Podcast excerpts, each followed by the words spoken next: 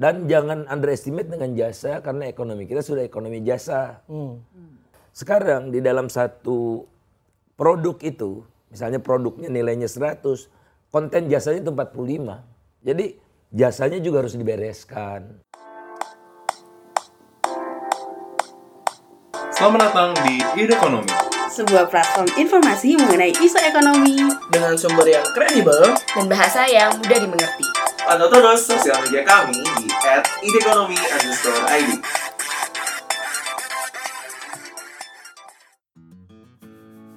Selamat datang Ide Listeners, kembali lagi di podcast Ide Ekonomi.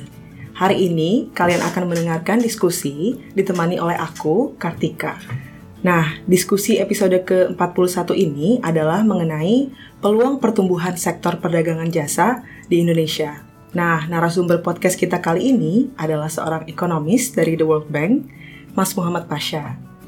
Halo Mas Pasha, aku manggilnya Mas aja ya. Mat, ya? Oke, apa kabar Mas? Baik Kartika, terima kasih sudah mengundang saya. Oke, oh iya. Sebelumnya, Mas Pasha ini sudah menempuh pendidikan untuk gelar PhD in Economics di Clark University dan MA in International Economics and Finance, Brandeis International Business School, dan juga Sarjana Ekonomi Universitas Indonesia. Mungkin kita mau langsung mulai dulu. Silakan saya ikutin saja. Oke. Hmm. Mungkin langsung ke pertanyaan pertama kali ya. Ya.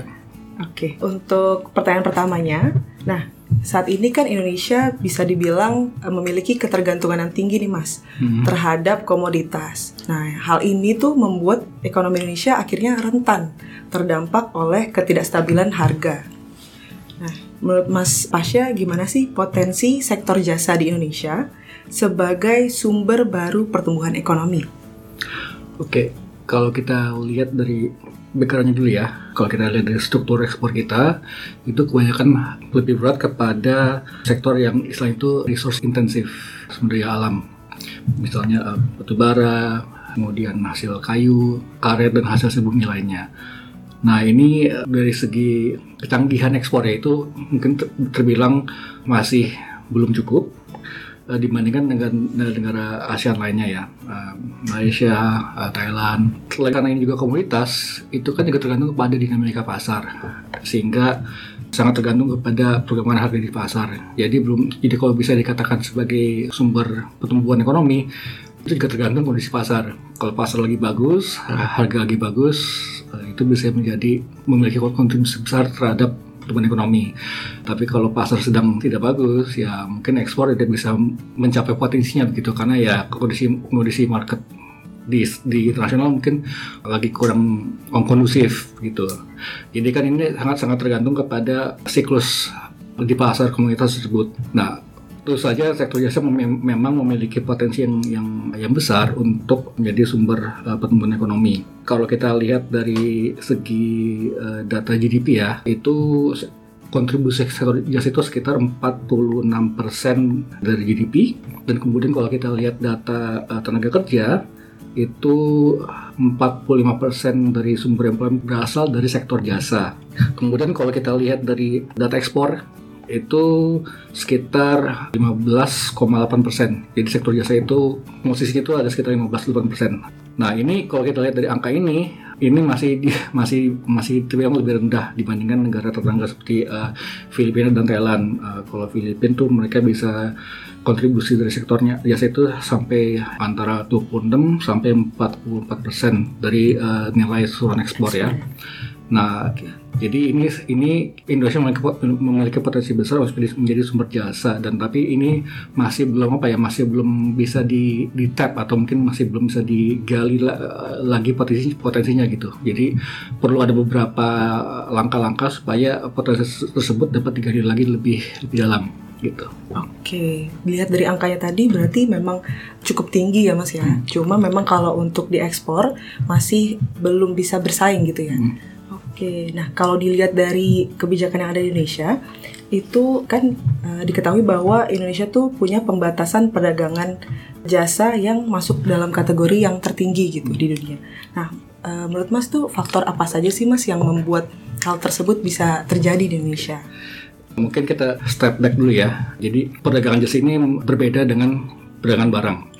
Karena perbedaan barang jelas itu barang uh, dikirim kemudian diekspor kemudian diterima diimpor ya. Itu jelas ada ada bentuknya. ada ada arahnya. Nah kalau kalau jasa ini kan ada berbagai macam mode supply dan juga mode konsumsinya ya. Nah kalau kita lihat dari tipe jasanya itu eh, perdagangan jasa itu dibagi ke dalam empat ada empat mode namanya ya. Mode satu itu adalah cross border itu di mana jasa tersebut tuh disediakan lintas batas. Misalnya ketika Kartika ikut training online itu termasuk ya cross border atau misalnya perusahaan Indonesia membeli eh, jasa market research dari konsultan yang berlokasi di luar negeri itu juga termasuk dalam cross border. Oke. Nah, yang mode ke- mode kedua adalah consumption abroad atau konsumsi di luar negeri. Ini ini yang paling paling gampang ya. Misalnya turis dari luar negeri berkunjung ke say Bali atau turis Indonesia berkunjung ke eh, Singapura atau Thailand. Atau bisa juga ini eh, bisa juga dengan pasien. Artinya eh, pasien dari Indonesia berobat ke luar negeri misalnya. Itu itu itu yang disebut sebagai consumption abroad. Jadi konsumsi di luar negeri. Oke. Nah, yang mode, keempat adalah commercial presence. Artinya tuh eh, jasa tersebut disediakan di negara tujuan melalui afiliasi atau cabangnya. Jadi misalnya kalau untuk jasa hotel ya, hotel aja hotel jaringan, jaringan in- internasional dia beroperasi di, di, di Indonesia atau misalnya jasa perbankan beroperasi di Indonesia dan lain-lainnya. Nah, mode keempat ini yang disebut sebagai movement of natural persons. Artinya individu asing itu dia bisa menyediakan jasa tersebut di negara tujuan baik sebagai independent provider atau dia juga bisa bekerja sebagai salah satu misalnya karyawan di perusahaan jasa ya uh, misalnya ya mungkin yang paling gampang contohnya dulu adalah uh, manajer perusahaan multinasional yang berada di Indonesia atau misalnya konsultan desain dia bisa datang ke Indonesia dan mungkin bisa melihat ke lapangan dan bekerja di, di Indonesia. Nah biasa itu kalau kita mau, mau melihat hambatan itu kita juga lihat dari hambatan dari ke, ke keempat modus itu apakah apakah ada beberapa hal yang bisa eh, menghambat perdagangan jasa melalui ke keempat moda itu. Nah kalau kita lihat secara helikopter view ya kita lihat dari, dari secara umumnya saja eh, itu data OECD mereka menggunakan data yang namanya itu Services Trade Effectiveness Index oke STRI nah kalau kita lihat untuk data Indonesia itu itu termasuk dalam satu satu negara yang memiliki hambatan regulasi yang yang cukup cukup tinggi diba- dibandingkan negara-negara lainnya. Nah kalau kita tarik secara garis umum, eh, besarnya hambatan tersebut bisa berupa satu mungkin peraturan yang belum memadai eh, mungkin terlalu apa terlalu restriktif atau mungkin eh, belum belum ada peraturannya itu satu kedua mungkin adanya inefisiensi di pasar tenaga kerja dan juga pasar modalnya misalnya pasar tenaga kerja eh, contohnya itu skill yang ada di, di- yang dimiliki oleh eh, pekerja Indonesia ini belum belum belum cukup ya untuk untuk menyediakan jasa, jasa yang istilahnya itu yang yang berkualitas dan juga kompetitif dibandingkan dengan eh, penyedia dari negara lain. Luar. Yes. Dan mungkin di capital market mungkin kalau ini juga ter- terkait dengan investasi ya pasar modalnya. Jadi mi- misalnya ada ada ada peraturan-peraturan yang yang eh, menghambat penanaman modal atau investasi di bidang sektor jasa. Eh, kalau kita lihat kan dari segi itu ada ada yang namanya itu eh, foreign equity limit atau pembatasan modal. Itu kan eh, bisa jadi itu bisa menghambat berkembangnya sektor jasa di Indonesia gitu. Jadi memang masalah yang kompleks tadi itu akhirnya mendorong ke belum dimanfaatkannya potensi pertumbuhan sektor jasa secara maksimal gitu ya Mas ya. Oke. Nah, kalau dilihat dari negara-negara tetangga di kawasan Asia itu kan banyak juga yang menerapkan kebijakan proteksionis gitu. Nah, dengan adanya reformasi regulasi seperti dalam Omnibus Law, apakah daya saing eh, sektor jasa Indonesia sudah meningkat dan akhirnya bisa berkompetisi dengan negara-negara tetangga tersebut gitu. Oke, ini ada dua dua hal yang saya tadi sini dari pertanyaan ketika ya. Pertama, ini kan kalau kita bicara mengenai pro- proteksionis, memang dasar katanya itu kan protect kan. Nah, yang harus kita lihat dulu tuh apakah benar itu emang buat melindungi konsumen. Artinya kan ini peraturan itu ada untuk consumer safety, oke. Apakah itu eh, legitimate, artinya dapat dibenarkan dan juga tepat sasaran. Dan yang kedua, apakah ternyata kebijakan tersebut uh, justru itu kebijakan yang yang, yang disebut sebagai unnecessary. Artinya itu uh, kebijakan tersebut itu tidak memiliki manfaat dari segi perlindungan konsumen atau mungkin kompetisi di pasar dan hanya uh, meningkatkan biaya di sektor ekonomi. Uh, jadi uh, jadi malah hanya menimbulkan inefisiensi inefisiensi. Jadi sehingga pengusaha atau mungkin sektor usaha jasa itu tidak tidak dapat berkembang. Nah, kalau kita lihat apakah reform itu sudah ada manfaatnya apa tidak, uh, it depends. itu tergantung. Karena untuk bicara mengenai itu, itu kita harus juga bisa harus melihat dulu datanya seperti apa. Untuk membuat penilaian ini lebih banyak data diperlukan agar evaluasinya itu bersifat menyeluruh. Nah, nah itu itu harus kita kita kita telah dulu apakah secara empiris uh, sudah ada sudah ada uh, manfaat yang dapat di, di, dilihat ya. Uh, tapi secara konseptual kebijakan apa pun yang, mempermudah sektor usaha untuk uh, berkembang itu bagus. Kemudian implementasi kebijakan sebaiknya dilakukan secara konsisten. Konsistensi dalam kebijakan akan mendorong pasar untuk bereaksi secara positif terhadap kebijakan tersebut. Yang kedua adalah kita juga bisa lihat dari segi evaluasi. Di sinilah perlunya juga kalau kita misalnya ingin uh, ingin mengembang, mengembangkan perdagangan jasa, uh, data juga penting dan juga policy itu harus di, diinformasikan oleh analisa yang yang teliti dan hati-hati dan uh, untuk melakukan analisis teliti dan hati-hati itu juga butuh data. data. Artinya artinya juga harus ada usaha yang yang real dalam mengumpulkan data-data di bidang jasa. Apalagi kalau kita misalnya datanya dikembagi ke dalam uh, empat model tersebut, itu akan juga akan sangat penting itu. Oke, aku ada pertanyaan terkait yeah. sama jawaban uh, Mas di poin satu tadi. Yeah. Untuk data itu kan katanya diperlukan data yang baik dari kualitas yang yang diperhatikan dengan kualitasnya dan frekuensi. Hmm. Maksudnya apa sih Mas data uh, kualitas dan frekuensi? Artinya data itu kalau dari segi kualitas itu artinya dia tuh bisa benar-benar mencerminkan apa yang terjadi di lapangan. Artinya uh, itu menangkap emang benar-benar menangkap data di lapangan. Dan juga kualitas artinya tuh tidak ada apa ya itu itu itu dicatat dengan baik dan benar bersih gitu ya. Misalnya kan biasanya kalau kita ekonomi kita melakukan beberapa data cleaning dulu kan yeah. nah, untuk menentukan kualitas data tersebut. Nah, kualitas juga ditentukan oleh frekuensi. Jadi kalau misalnya kalau misalnya kan data perdagangan barang itu diterbitkan tiap bulan ya. Jadi yeah. itu monthly basis. Nah, kalau ada data yang frekuensinya rutin, at least atau atau bulanan atau tribulanan itu akan lebih baik sehingga kan pemerintah juga bisa mengakses apakah kebijakan ini sudah tepat sasaran atau mungkin perlu dimodifikasi lagi gitu. Oke, jadi lebih datanya lebih mencerminkan yeah. keadaan sebenarnya gitu ya, yeah. Mas. Oke, mungkin forward ke pertanyaan selanjutnya. Saat ini kan ada fenomena yang namanya digital nomad, hmm. yang uh, terjadi di mana pemerintah memperbolehkan uh, warga asing untuk bekerja secara online sampai enam bulan gitu tanpa membayar pajak hmm. karena menggunakan visa B211A.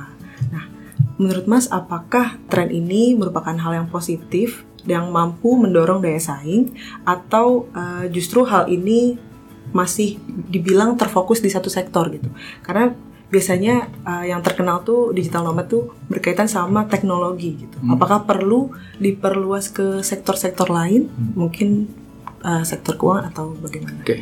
mungkin ini jawabannya agak sedikit beda ya uh, karena kita based on apa uh, prinsip dari uh, pijakan insentif ya karena kan kalau kita lihat ini kan insentifnya adalah nggak tidak mereka tidak bayar pajak hingga enam bulan sehingga mereka uh, di, diinsentifkan untuk bisa bisa bekerja di Indonesia ya.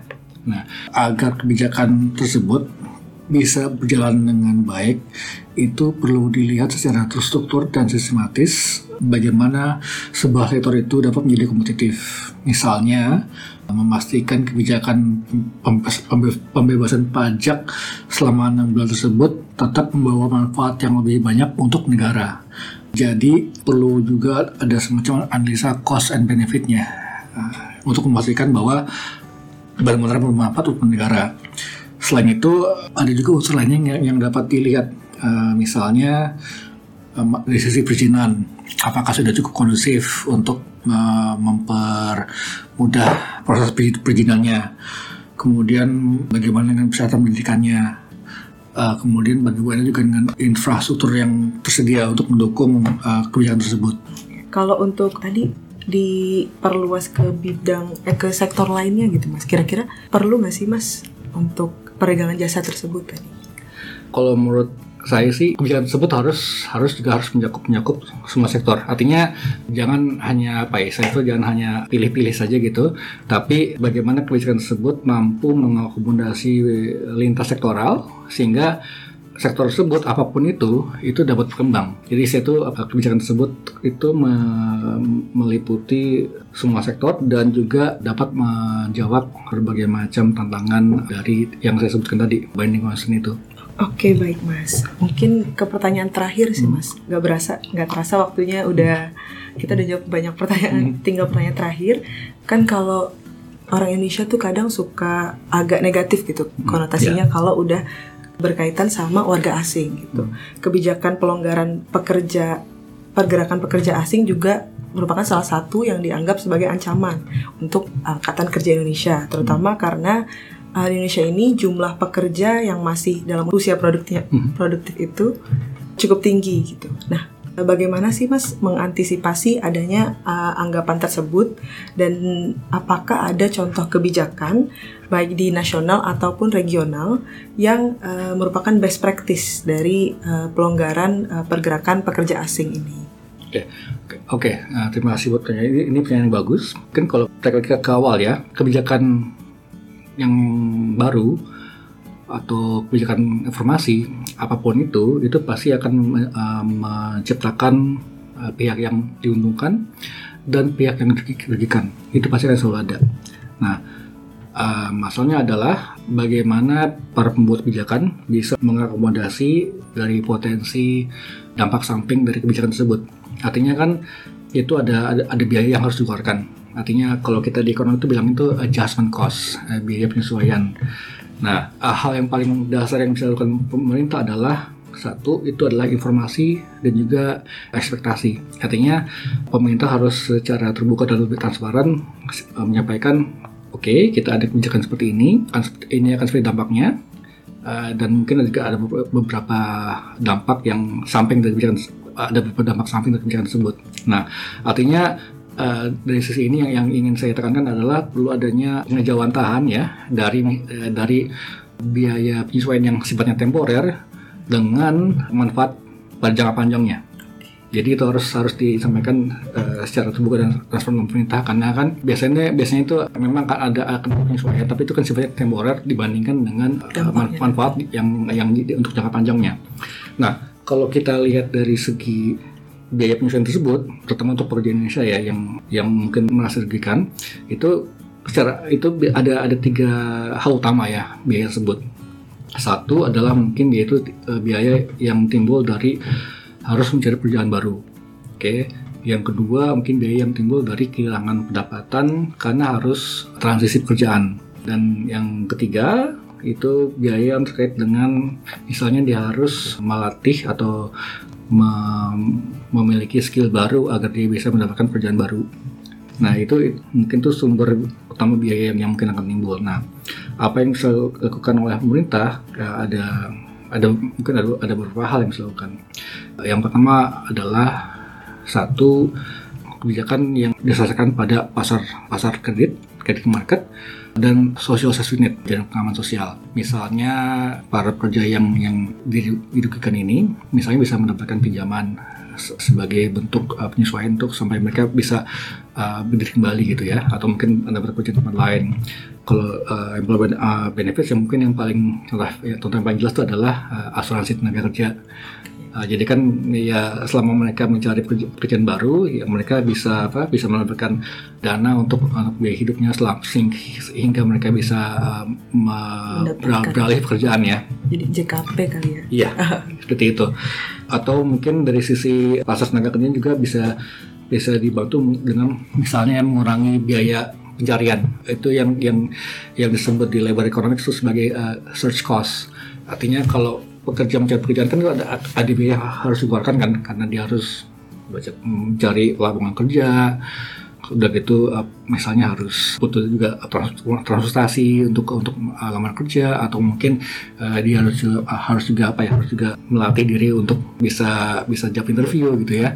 Nah itu itu harus itu juga bisa uh, bisa dilakukan. Artinya apa pun yang, yang terkait dengan meminimalkan biaya untuk mencari pekerjaan baru. Kemudian yang, yang sudah pasti ya jelas itu adalah ed- education and training. Karena kan tadi kan satu kan yang saya sebutkan tadi kan biaya yang terkait dengan melatih untuk memiliki skill baru ya. Nah itu mungkin juga dilakukan dengan education and training. Nah mungkin dari situ. Tadi udah bilang pertanyaan terakhir, tapi ternyata masih ada pertanyaan lagi nih. Mas dari Ide Listeners. Oke. Namanya Malik asal Cirebon. Pertanyaannya, apa langkah strategis dan cepat yang bisa diambil pemerintah untuk mendorong ekspor jasa Indonesia lebih kompetitif? Terutama menimbang kualitas SDM kita yang masih terbatas. Oke, terima kasih Malik untuk pertanyaannya. Cukup menantang pertanyaannya. Jadi memang kalau kalau kita bicara masalah kebijakan ekonomi eh, itu pasti kan akan selalu ada trade off ya eh, antara mana yang strategis, yang tepat dan juga mana yang cepat. Karena kan dan dan belum tentu kedua hal tersebut dapat dapat dilakukan secara bersamaan ya. Mungkin apa yang bisa dilakukan secara cepat mungkin belum tentu strategis karena mungkin saja bisa di masa depan malah justru menimbulkan uh, ada dampak samping ya atau kita sebut sebagai unintended consequences dalam ekonomi. Jadi misalnya misalnya untuk meningkatkan uh, daya saing jasa tapi karena dilakukan secara cepat. Ya justru tidak tercapai tujuannya mungkin in short ada dampaknya tapi dalam jangka panjang mungkin itu butuh butuh kebijakan lain yang yang untuk penopang penopang angka tersebut. Nah, kalau kita bicara masalah strategis atau misalnya langkah apa yang bisa dilakukan, mungkin yang yang dilakukan dari dari, si- dari sisi eh, short term atau medium term itu adalah mengevaluasi lagi kebijakan pembatasan modal di sektor jasa. Artinya untuk untuk investasi asing. Ini yang terkait dengan foreign equity limits ya. Kalau kita lihat kan eh, terutama yang terkait dengan undang-undang cipta kerja kan itu sudah mengatur ada berbagai macam pembatasan partisipasi asing dalam investasi, investasi eh, di tiap sektor. Nah, salah satu sektor yang yang me- me- masih memiliki berbagai macam istilah kita bilang tuh foreign equity limits itu adalah sektor jasa. Jadi mungkin pemerintah bisa mengev- mengevaluasi kembali apakah uh, penetapan tersebut itu, itu sudah, sudah tepat. Misalnya kan eh, melihat apakah 20% cukup atau 40% itu apa- apakah itu bisa atau menciptakan insentif yang tepat untuk adanya investasi di sektor sektor jasa baik itu investasi dari dalam negeri atau atau luar negeri karena kan kalau lihat kalau kita lihat data kan itu driver dari investasi asing itu juga bisa memicu untuk investasi domestik juga ikut untuk ikut apa untuk ikut meningkat. Nah, nah di sini yang yang juga saya saya ingin tekankan adalah ya, isu mengenai ekstensifikasi dan juga intensifikasi. Intensifikasi, ekstensifikasi ini yang saya maksudkan ini adalah bagaimana ada adanya pihak-pihak baru yang yang mau invest di sektor jasa, baik itu asing maupun lokal.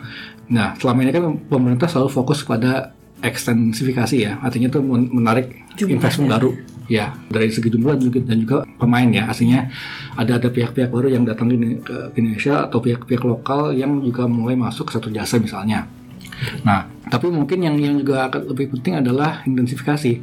Nah, ini kan ada ada, ada sudah ada ber- beberapa misalnya beberapa perusahaan beberapa pihak yang atau investor yang sudah ada di Indonesia ya, baik asing atau domestik. Nah, tapi apakah investasi mereka itu tetap per tahunnya atau justru meningkat? Nah ini, nah, ini perlu diketahui lagi kan, karena kan mereka sudah di sini. Nah, sudah ada. sudah ada ya bagaimana yang mem- mem- juga mem- memanfaatkan yang sudah ada. Nah itu itu juga yang harus dijadikan fokus oleh uh, para, para pembuat kebijakan bagaimana me- mem- mempertahankan investasi yang sudah ada supaya mereka nggak pindah misalnya ya, dan juga meningkatkan value dan volume dari investasi, investasi mereka.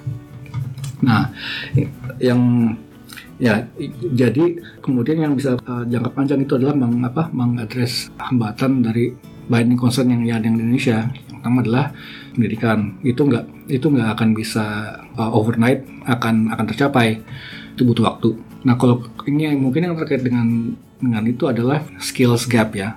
Ada ada ada skill gapnya dari di, di- dari sisi pasar tenaga kerja di Indonesia. Nah, saya coba coba berikan contoh yang apa ya yang yang yang real ya. Misalnya nih ya.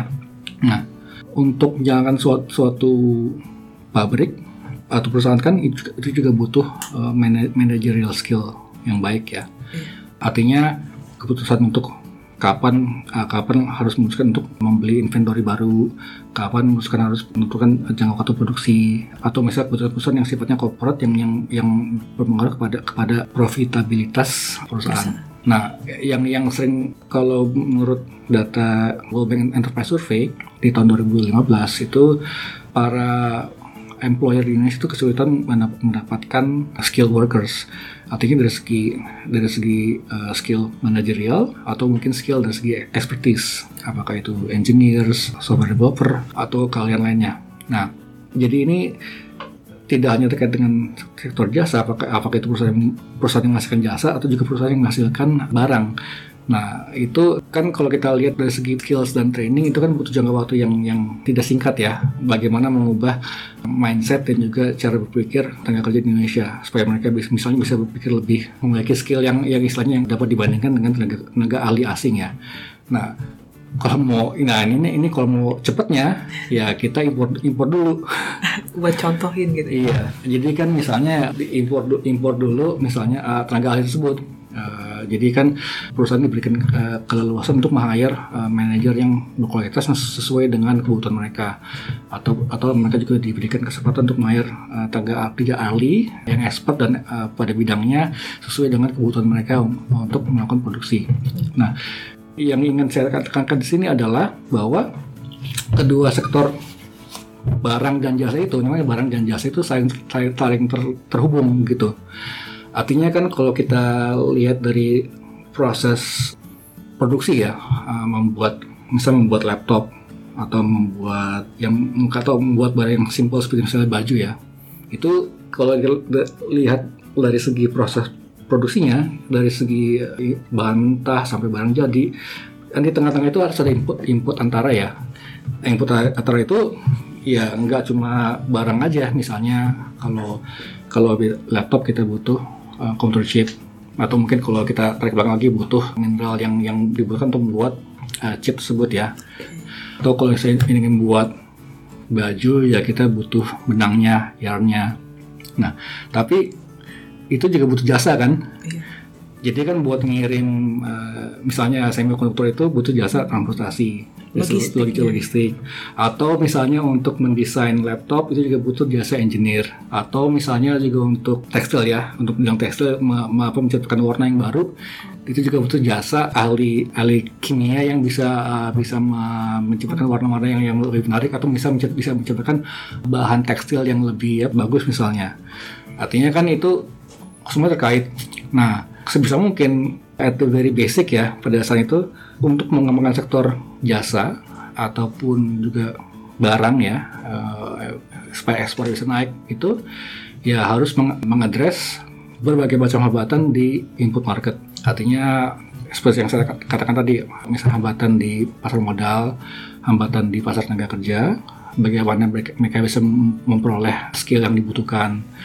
Kemudian kalau kita lihat juga ke output marketnya, apakah memang sudah ada persaingan yang yang cukup? Artinya kan kalau kalau kita ingin maju, itu juga harus ada insentif buat maju kan. Saat ada insentif buat maju, itu harus itu juga ada akan ada pesaing. Apakah market tersebut atau pasar tersebut sudah sudah cukup kompetitif sehingga itu itu di- dinamis sehingga tuh mereka bisa apa ya bisa ada ada apa ya ada ada ya kalau bisa ada persaingan orang orang tuh akan terinsentif untuk melakukan berbagai macam terobosan-terobosan baru gitu lebih misalnya. tertantang iya gitu dan lebih tertantang itu Nah, artinya dan juga kan mungkin bukan tertantang dari segi pasar lokal aja tapi juga ada juga ada juga insentif untuk bersaing di pasar internasional juga gitu Oke, baik. Terima kasih Mas Fasya atas jawabannya. Mungkin yang selalu ide ekonomi punya di akhir setiap podcast itu adalah analogi. Nah, aku penasaran nih sama analogi dari Mas Fasya tentang peluang pertumbuhan sektor perdagangan jasa di Indonesia yang kita bahas hari ini. Dengan kebijakan yang tepat, perdagangan jasa memiliki potensi sebagai sumber pertumbuhan ekonomi. Jadi ini kita ibaratkan dengan kedua kaki yang diperlukan untuk jalan ya. Satu kaki misalnya perdagangan barang, kaki yang lainnya itu adalah perdagangan jasa. Nah, kita butuh kedua kaki itu untuk dapat uh, melajukan pertumbuhan ekonomi. Nah, manfaat dari kedua perdagangan tersebut, barang dan jasa, akan saling memperkuat pertumbuhan. Istilah itu mutually reinforcing gitu. Oke, bahkan bisa lari juga Bisa ya, lari juga, ya. iya. Oke, kalau gitu terima kasih Mas Pasha atas waktunya.